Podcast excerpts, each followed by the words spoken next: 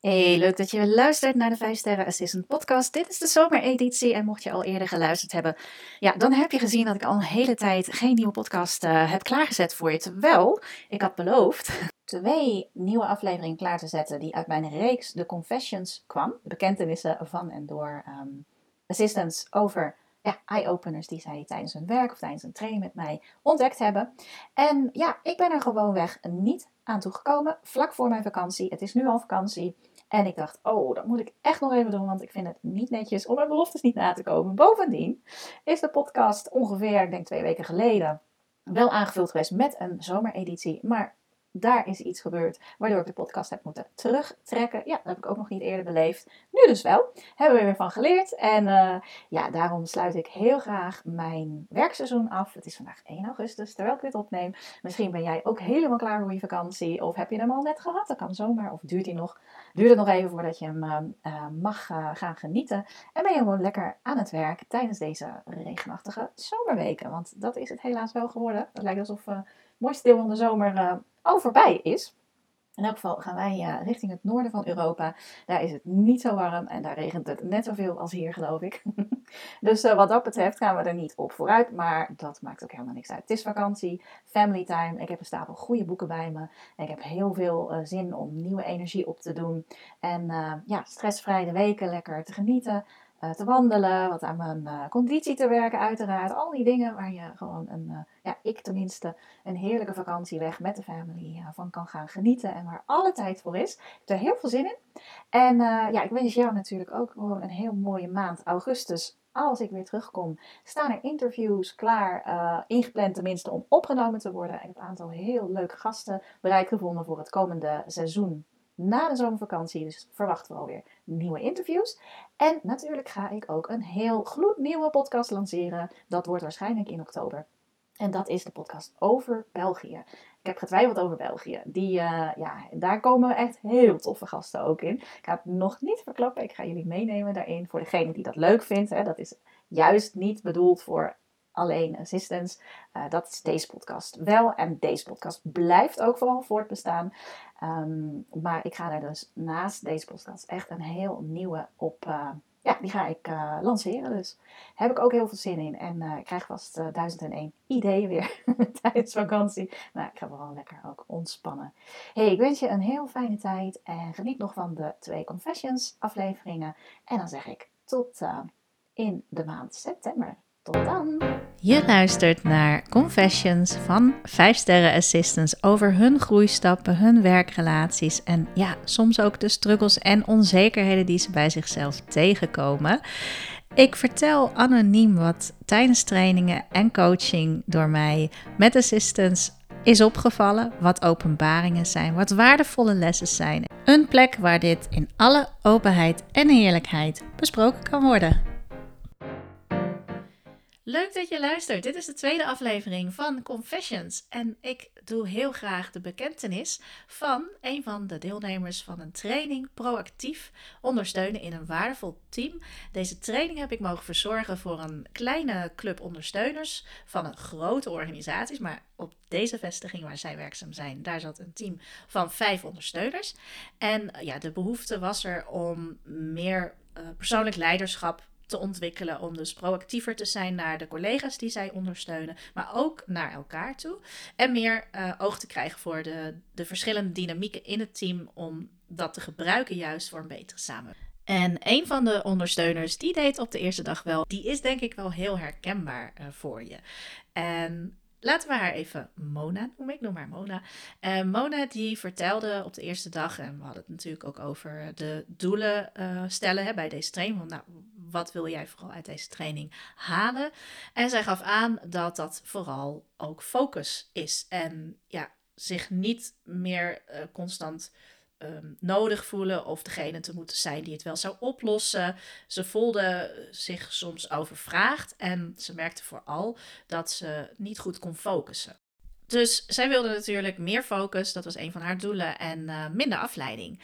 Nou, en de mooie ontdekking die zij deed op de eerste dag, want ja, ze vertelde over haar situatie. We vroegen, bevroegen haar daar ook verder op door.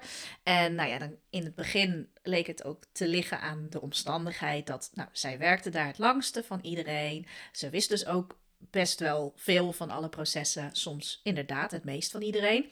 En zij was ook relatief meer aanwezig dan de andere collega's op het werk. Maar bij dat doorvragen kwam al vrij snel uh, aan het licht dat ja, de, dat gevoel van, van afgeleid zijn en niet goede focus hebben, dat het heel erg paste bij een karaktertrek van haar. En dat was namelijk bemoeienissen of bemoeien met.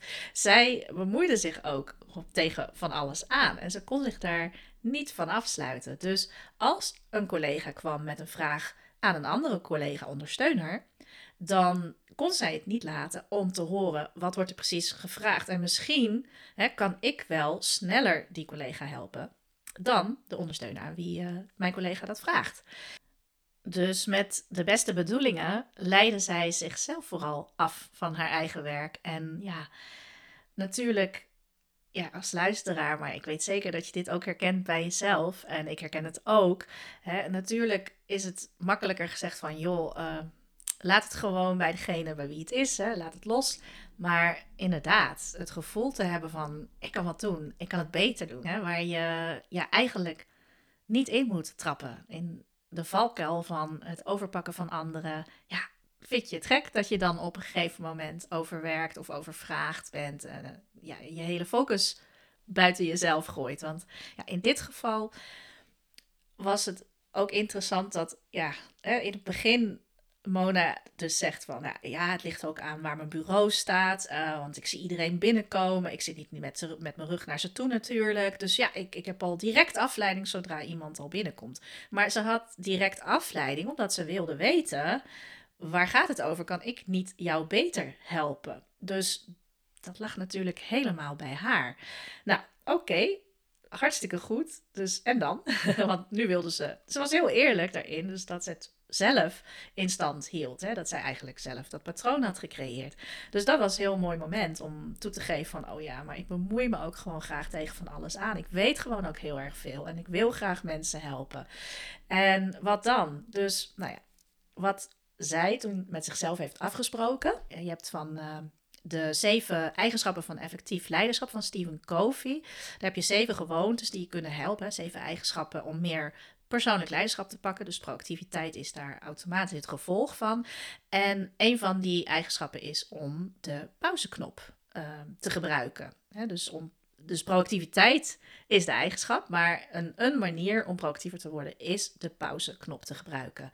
En niet te reageren zoals je gewend bent om te reageren. Nou, in het geval van Mona was dat dus ik wil me ermee bemoeien. Uh, stukje controle natuurlijk. Ik wil dat het goed gebeurt. Misschien kan ik het beter dan de ander. Nou, dat stukje moest zij echt pauzeren. En in plaats daarvan, dus voelen op het moment van ik wil reageren. En dan in plaats daarvan, oké, ik kan nu reageren, maar ik ga het niet doen. Dus om heel bewust de keuze te maken en tegen zichzelf te zeggen: ja, ik wil dit eigenlijk nu oppakken. Maar nee, ik blijf zitten en ik ga dit niet doen. Nou, dat uh, bleef voor haar wel een uitdaging. dus is daarmee gaan spelen. En ja, de ene keer lukte het wel en de andere keer drukte ze de pauzeknop niet in en deed ze dus precies weer uh, wat ze gewend was om te doen. Maar ze wist nu wel beter van oké, ik doe het dus zelf. En ze wist ook dat als ze er echt veel last van zou hebben, dat ze er iets aan uh, kon doen. Nou, die wil ik heel graag met je delen. Ik zelf ja, herken het ook heel erg. Nou, ik weet niet of je, uh, als je bekend bent uh, met het moederschap, uh, ook herkent dat je voor je kinderen graag even snel de jasjes aan wil doen. Of weet ik veel wat als ze nog klein zijn. Maar als ze groter zijn, misschien ook net zo goed denkt: hé hey joh, laat mij dat even regelen met die verzekeraar of dit of dat. En daar help je uiteindelijk de ander natuurlijk ook niet mee om zelfstandig en zelf proactief te worden. Dus uh, vast heel herkenbaar voor je, misschien ook juist in je werk als ondersteuner. Dus je kunt je tegen van alles aan bemoeien, maar je hebt ook de keuze. Ik wil heel graag me bemoeien hiermee, maar ik doe het niet. Die wou ik even meegeven. Ik hoop dat het waarde voor je heeft en ik uh, spreek je graag bij de volgende bekentenis.